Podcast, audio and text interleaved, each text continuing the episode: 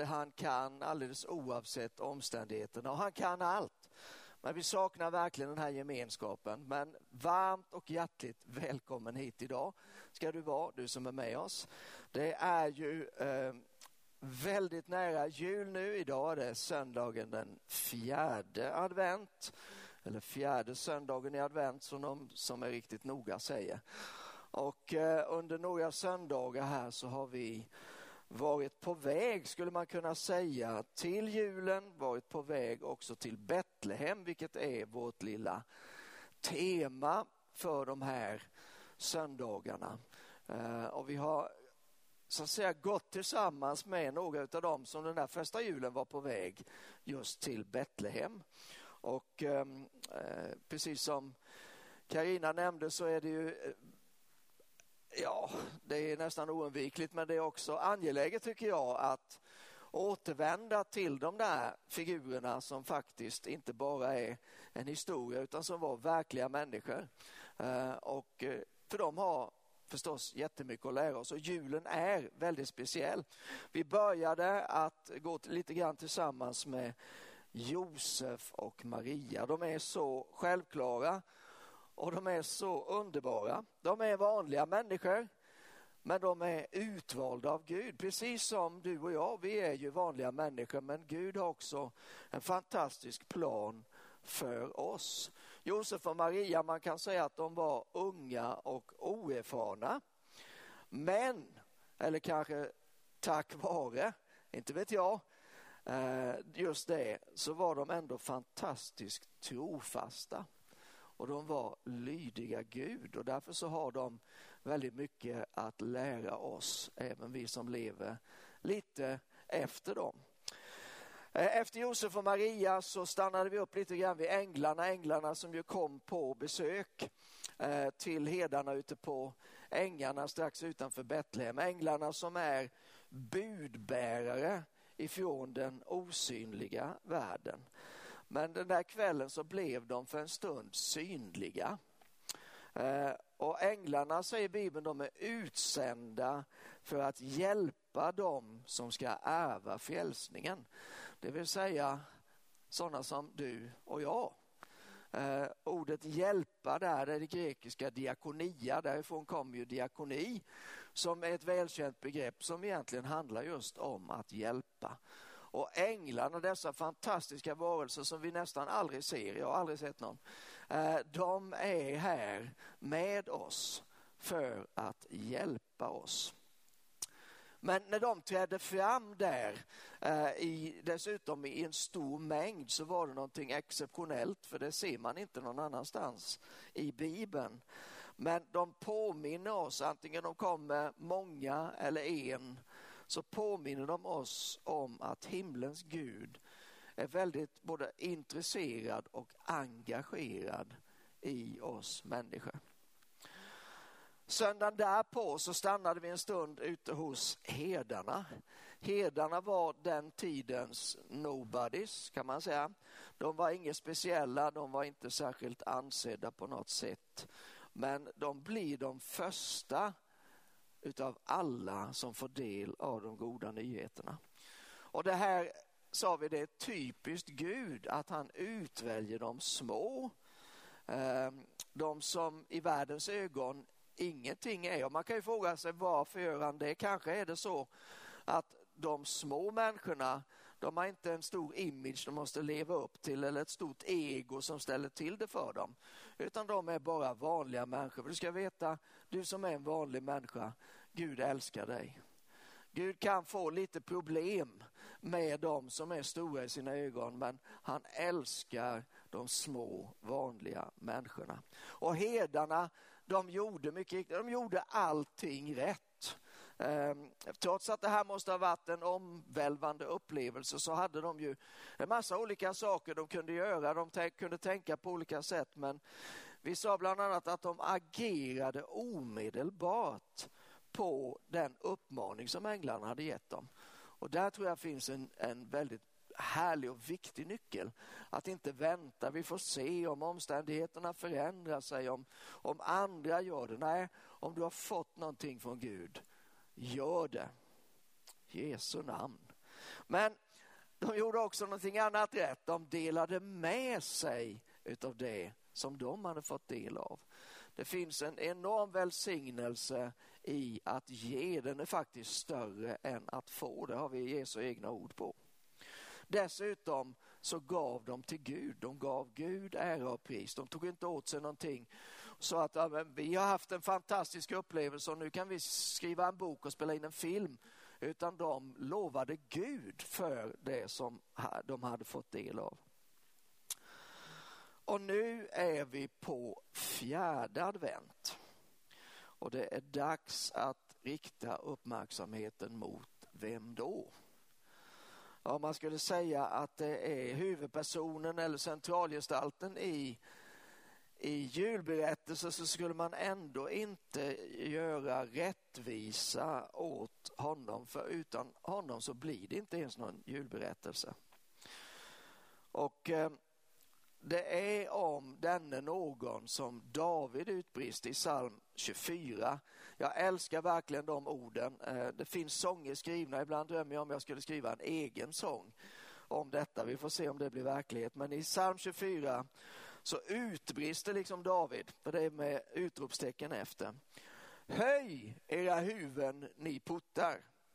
Höj er ni eviga dörrar så att ärans konung kan tåga in. Vem är han, ärans konung?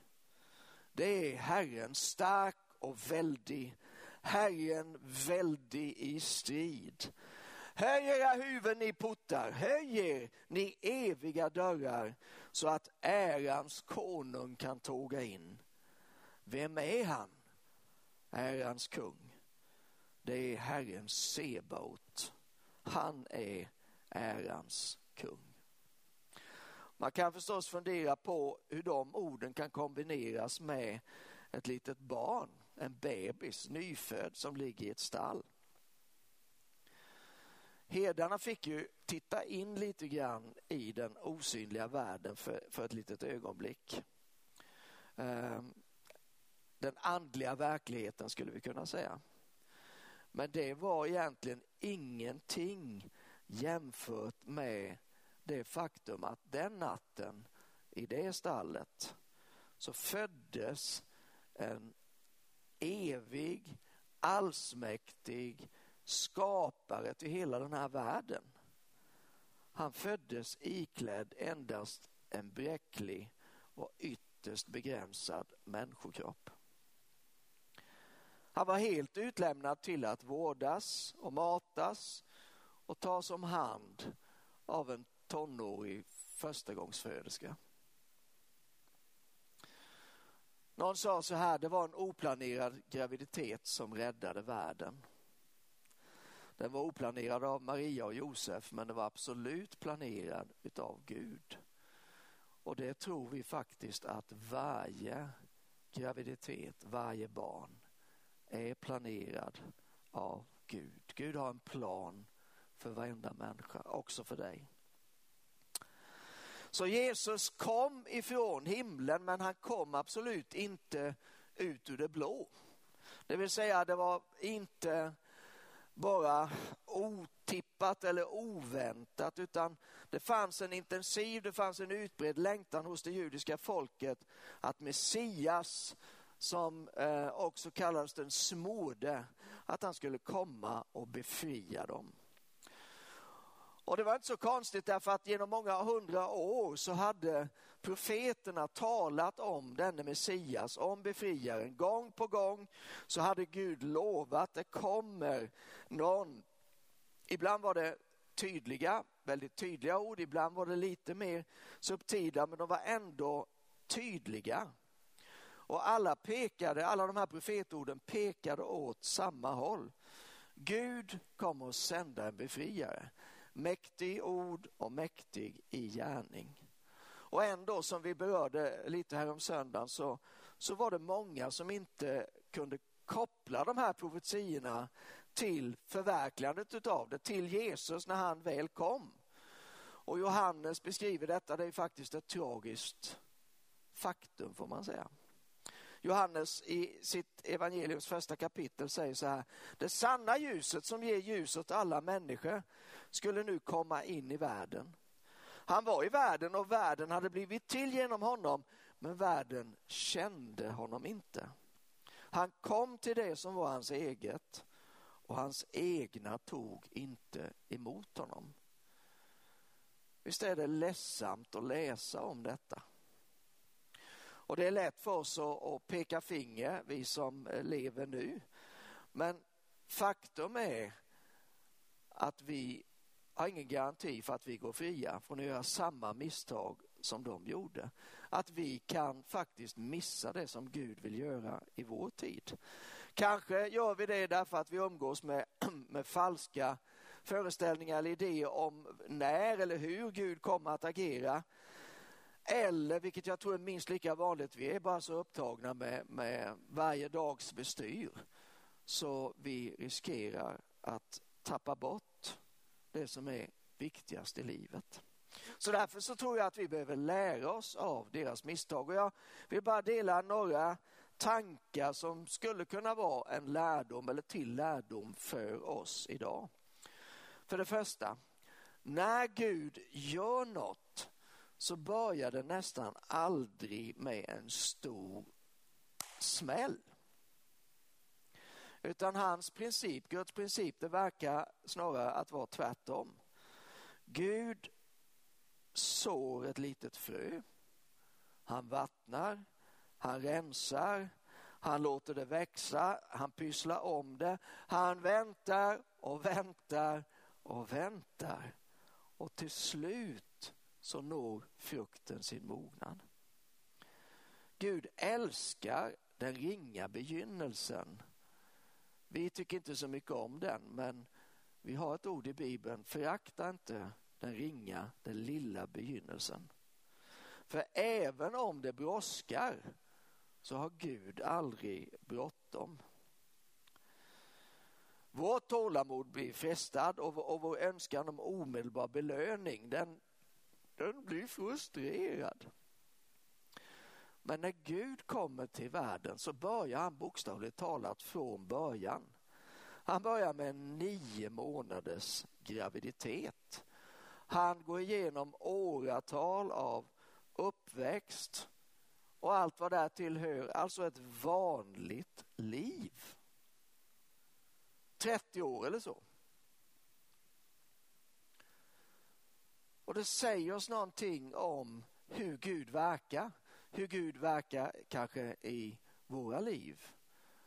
Men också att om vi tror att någonting ska smälla till och så ska allt vara annorlunda så kan vi lura oss själva.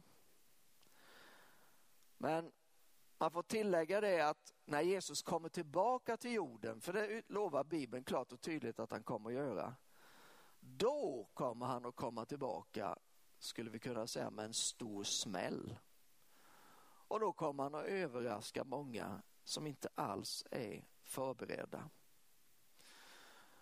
När jag förberedde det här så kom en, en vers från Ordspråksboken i min tanke som säger lätt fånget är lätt förgånget men den som samlar efterhand får mycket. Man behöver inte bli sådär jättegammal för att känna att nu är nog mitt bäst före-datum, det har nog passerats. Men eh, då måste vi komma ihåg att Gud vet vad han gör och Gud kommer aldrig för sent. Vi måste komma ihåg det som min gode vän Peter Ek alltid säger. Det bästa ligger framför.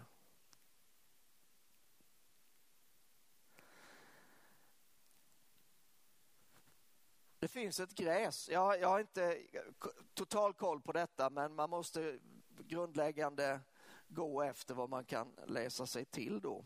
Det finns ett gräs, det är världens eh, största gräs. Det kallas för jättebambu.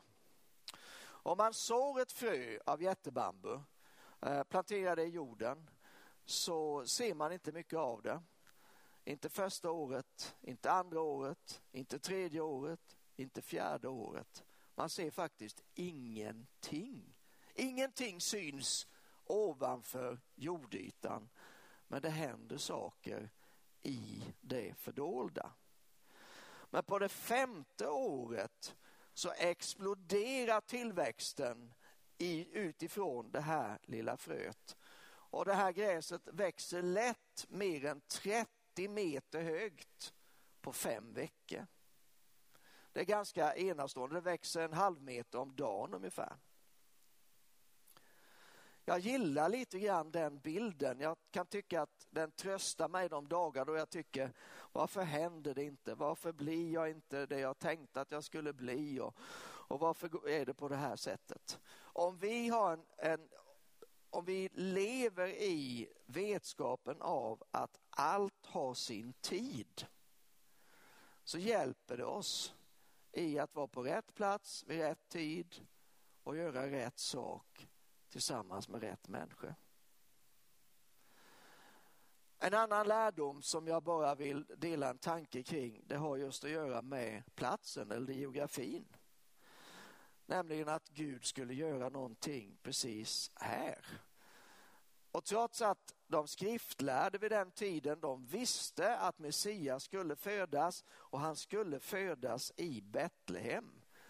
Men det fanns, verkar inte som om någon av dem tog sig de här, som man säger, åtta kilometerna ungefär ifrån Jerusalem city och ut till Betlehem för att se om det verkligen hade hänt.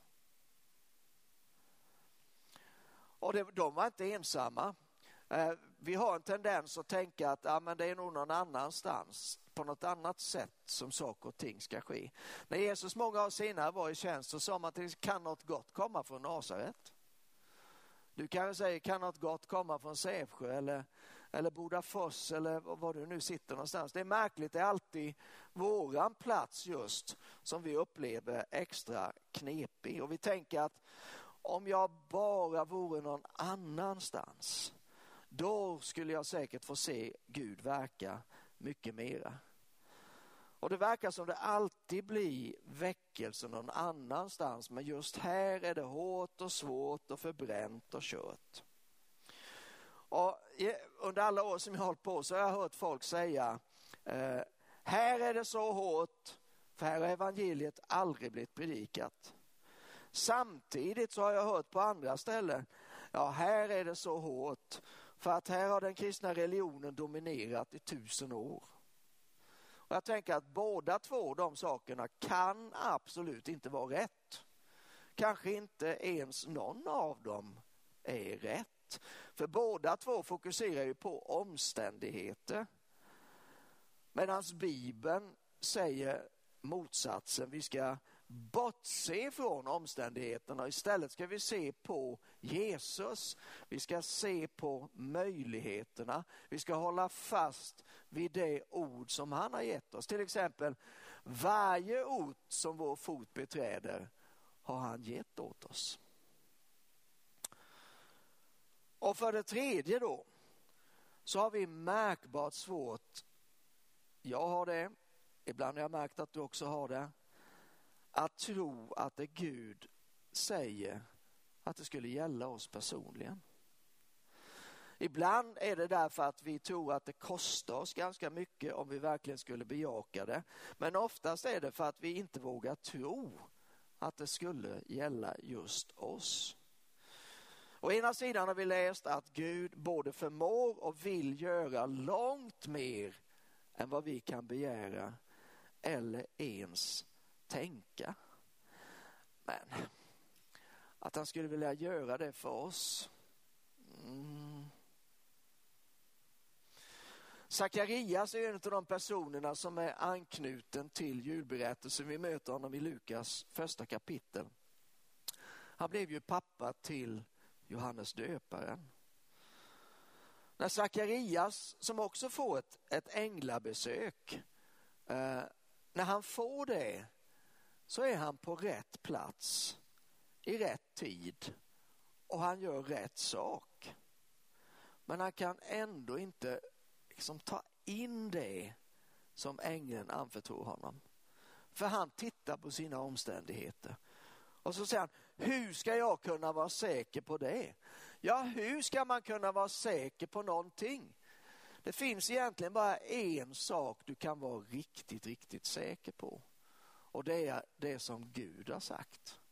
Där behöver du ha ditt fokus och där får du ha din trygghet. Så ängeln Gabriel som bar fram budskapet till Sakarias, han tvingades till den här ganska drastiska åtgärden att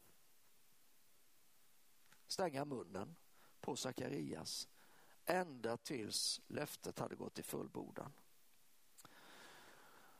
Hur ska man förstå detta? Kanske kan man förstå det på så sätt att vi faktiskt kan både prata ner och med våra ord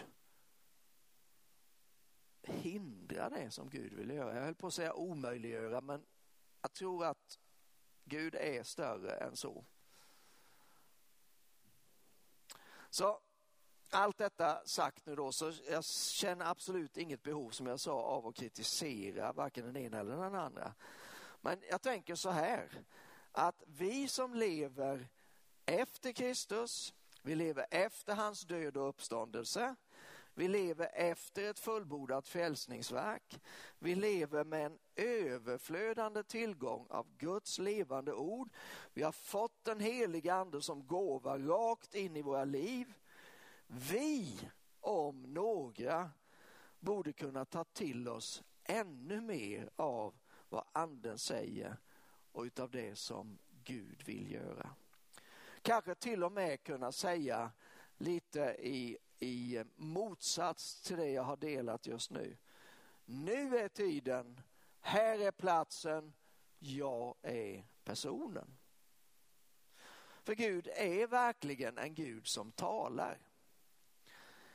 I Gamla testamentet så finns mer än 300 förutsägelser om den kommande Messias och var och en av de här har blivit uppfyllt, funnit sin fullbordan i Jesus. Det fanns en matematikprofessor för en 50-60 år sedan som hette Peter Stoner och han var expert på sannolikhetsberäkningar.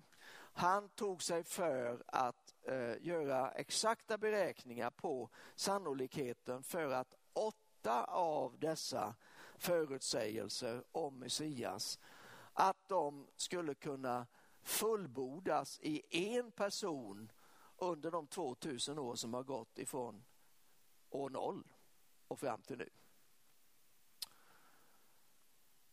Han kom fram till att chansen för det, eller möjligheten för det, det är en på hundratusen miljarder. Det är en etta med 17 nollor. Det är alltså en försvinnande liten chans att en person skulle kunna uppfylla åtta av de profetiska orden som har yttrats just om Messias. Jesus uppfyllde som sagt över 300. Jag tänker att det ger oss väldigt många goda skäl och det ger oss en väldigt stark grund att både lyssna på vad Gud säger och lita på vad han säger. Och Dessutom är Bibeln inte bara tillförlitlig som en historiebok för Guds ord är levande. Det förmedlar sanning, det förmedlar liv, det förmedlar kraft till var och en som tar del av det. Och Det betyder bland annat att allt det som du och jag kan läsa om Messias, om Jesus Kristus, det kan han och det vill han vara för just dig, just nu, den här julen, nästa år och så vidare.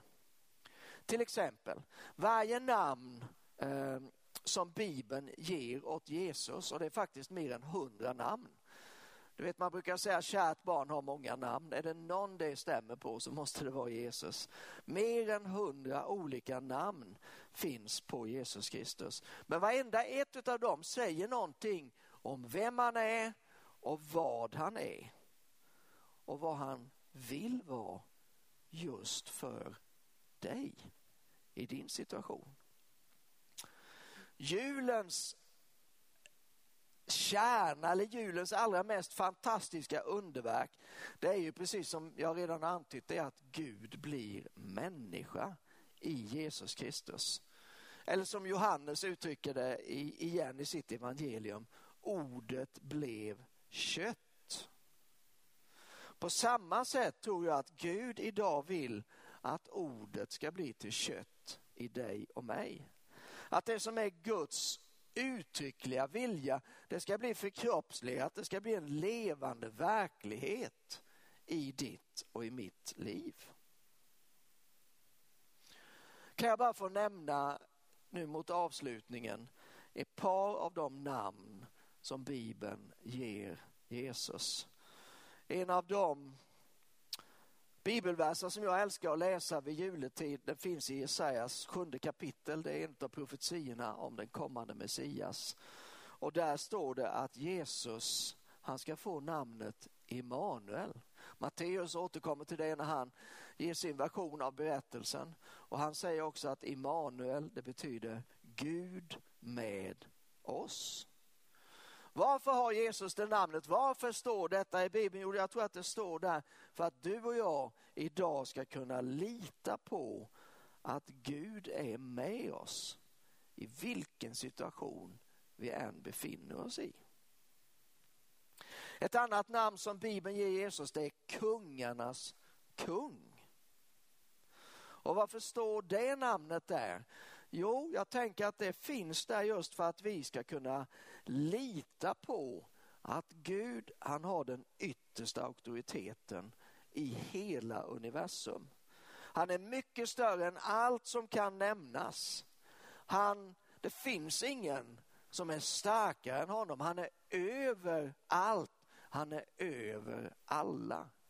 Han är över vilken sjukdom du än kan vara drabbad av. Han är över de omständigheter som kanske står dig rakt i ansiktet den här dagen. Och så är han med dig. Han är Immanuel. Och vad mer är, Jesus är den gode herden. Jag tror att det står där i Bibeln idag, att han har det namnet just för att vi ska våga lita på att Gud inte bara kan allting, för det kan man nästan förvänta sig av en Gud, eller hur? Men att han också av hela sitt hjärta vill. Han vill göra allt det som han har lovat i sitt ord. Han vill göra det för dig. Han bara väntar på att ordet ska bli kött i ditt liv. Att ordet ska få bli förverkligat i din situation. Så vill jag avsluta med att läsa några andra verser ifrån Jesaja. Eh, en av de kanske mest kända jultexterna från det gamla, eh, gamla testamentet. Vi brukar läsa dem varje jul. Eh, profeten Jesaja sa dem 200 år innan de blev verklighet. Men sen 2000 år tillbaka så är de en verklighet. De var inte bara en verklighet medan Jesus gick här på jorden. De är fortfarande en verklighet idag. Tro på det. Lita på det och gör det till din verklighet. Så här säger han i Jesaja den nionde kapitlet. Men det ska inte vara nattsvart mörker där ångest nu råder. Förr i tiden lät han Sebulons och Naftalis land vara föraktat. Men i kommande dagar ska han ge ära åt trakten längs havsvägen, landet på andra sidan Jordan, hednafolkens Galileen. Det folk som vandrar i mörkret ska se ett stort ljus. Över dem som bor i dödsskuggans land ska ljuset stråla fram. Du förökar det folk som du inte har gett stor glädje och de ska glädjas inför dig som man gläds under skördetiden, som man jublar när man delar byte. För du ska bryta deras bördors ok, deras skuldrors käpp och deras plågares stav, som på Midjans tid. Ja, varje stövel buren i stridslam och varje mantel vältrad i blod ska brännas upp och förtäras av eld. För ett barn blir oss fött, en son blir oss given. På hans axlar vilar herradömet och hans namn är under, rådgivare, mäktig Gud, evig far, fridsfurste. Så ska herradömet bli stort och friden utan slut över Davids tron och hans rike. Låt oss be tillsammans.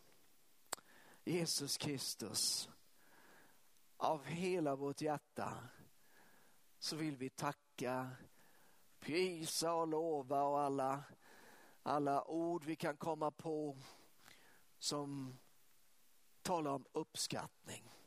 Vi vill ge dem till dig här i den här dagen. Vi vill tacka dig för att du lämnade din härlighet, klev in i vår verklighet för att vi skulle kunna bli upprättade, få liv ifrån himlen evigt, få gemenskap med levande Gud. Vi tackar dig för det Jesus. Vi tackar dig för att du fullbordade, du uppfyllde allt det som var sagt om dig in i minsta detalj för att vi skulle kunna vara fullständigt trygga i att det ord som kommer från himmelen det kommer inte att återvända utan att ha verkat det var till det blir utsänt att verka.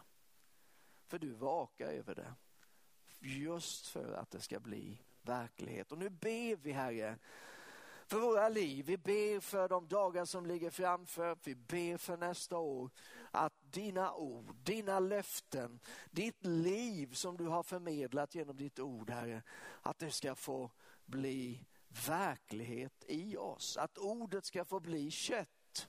Vi bara tackar dig här att vi den här dagen bara får förnyas i hopp och tro och kärlek och, och övertygelse om att allt du har sagt, det gäller. Och allt du har gjort, det har du gjort för oss. Herre, jag vill än en gång bara be för var och en som är med, var och en som lyssnar på den här gudstjänsten.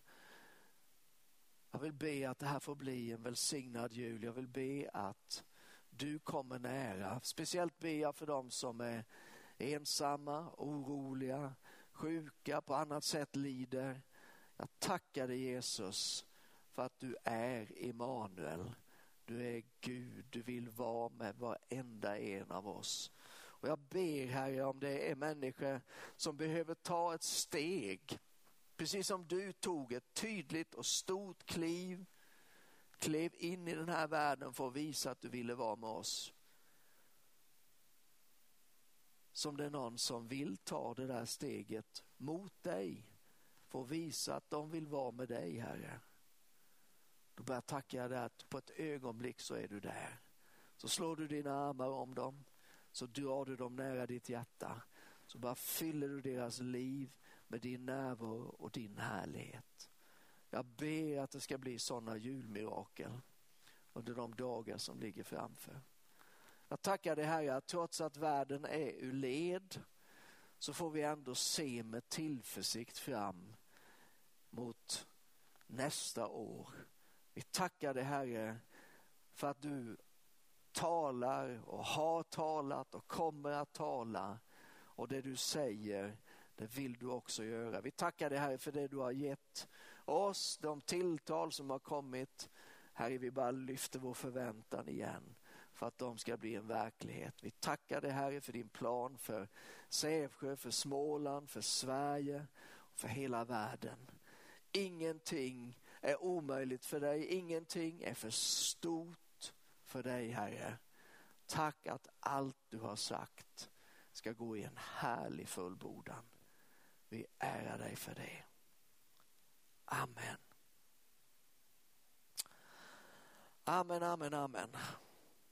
Underbart. Jag har eh, faktiskt burit på de, åtminstone delar av det här budskapet under väldigt lång tid. Och eh, det, det är alltid så när man får dela någonting som har blivit ett med en så känns det väldigt härligt när man har fått göra det. Och jag bara ber till Gud att det ska kännas härligt för dig också och du får gärna ge det här vidare. Vi ska alldeles strax avsluta gudstjänsten här men eh, jag skulle bara innan vi gör det så skulle jag vilja tipsa och tacka lite grann. Om jag får börja med att tipsa så vill jag säga att nästa söndag så är det gudstjänst på Guds kraft igen och precis som idag så kan du vara med online. Du kan se det på vår Youtube-kanal eller på vår Facebook och du kan också ta del av det självklart i efterhand om det skulle passa dig bättre. Eh, men jag vill också tipsa om någonting som jag är otroligt glad och tacksam över. Och det är att igår så var det premiär för en liten julkonsert just inspelad i den här lokalen som är bakom mig. Eh, och den är bara så underbart bra. Så härmed utgår en befallning, inte från kejsar Augustus men från pastor Svensson. Du behöver inte åka till Betlehem, du slipper det, men du måste absolut lyssna in den här konserten. Det kommer att välsigna dig. Eh, så härligt och jag vill passa på att säga ett jätte, jättestort tack till alla er som var involverade i konserten. Ehm, det var eh, så excellent. Sång, musik, bild, ljud, ända ner på godisnivå. Jag var ju här på ett hörn jag med och fick smaka på det, det supergoda julgodiset som serverades i pauserna. Eh, men allt var på en väldigt hög nivå. Det var excellent. Det var, det var jag vet få som skulle kunna göra det här bättre någonstans på något sätt. Men det var inte bara proffsigt utan det var fyllt av hjärta, det var fyllt av ande och jag blir så mm, jag blir så tacksam, jag blir så glad, jag blir så stolt, jag blir allt möjligt på en enda gång över alla er som eh, ställer Alltså jag menar bara dekorationen här, den är värd ett kapitel i sig. Eh, men alla ni som ställer era gåvor till förfogande i Guds verk. Just nu handlar det om sång och musik och vi är väldigt begåvade här i församlingen på de områdena. Men det, ni är så många som gör en massa ovärderliga saker. Så ta emot en stor, stor portion tacksamhet och glädje ifrån pastor Svensson. Ni är underbara. Fortsätt att tjäna Herren med era gåvor. Det kommer att ge stor skörd och jag är övertygad om att det kommer också ge en massa välsignelse till er. Sen måste jag också få säga speciellt till alla er som är med i Guds kraft och som tittar nu eh, en riktigt varm och god julhälsning till er. Eh, det är en stor förmån att få tjäna som pastor här. Eh, jag har gjort det så länge nu så jag vet knappt om något annat men, men jag, eh, min tacksamhet avtar inte med åren kan jag säga utan den växer istället. Så tack för att ni är här, tack för att vi får stå tillsammans, det är vårt hjärta att fortsätta att göra det.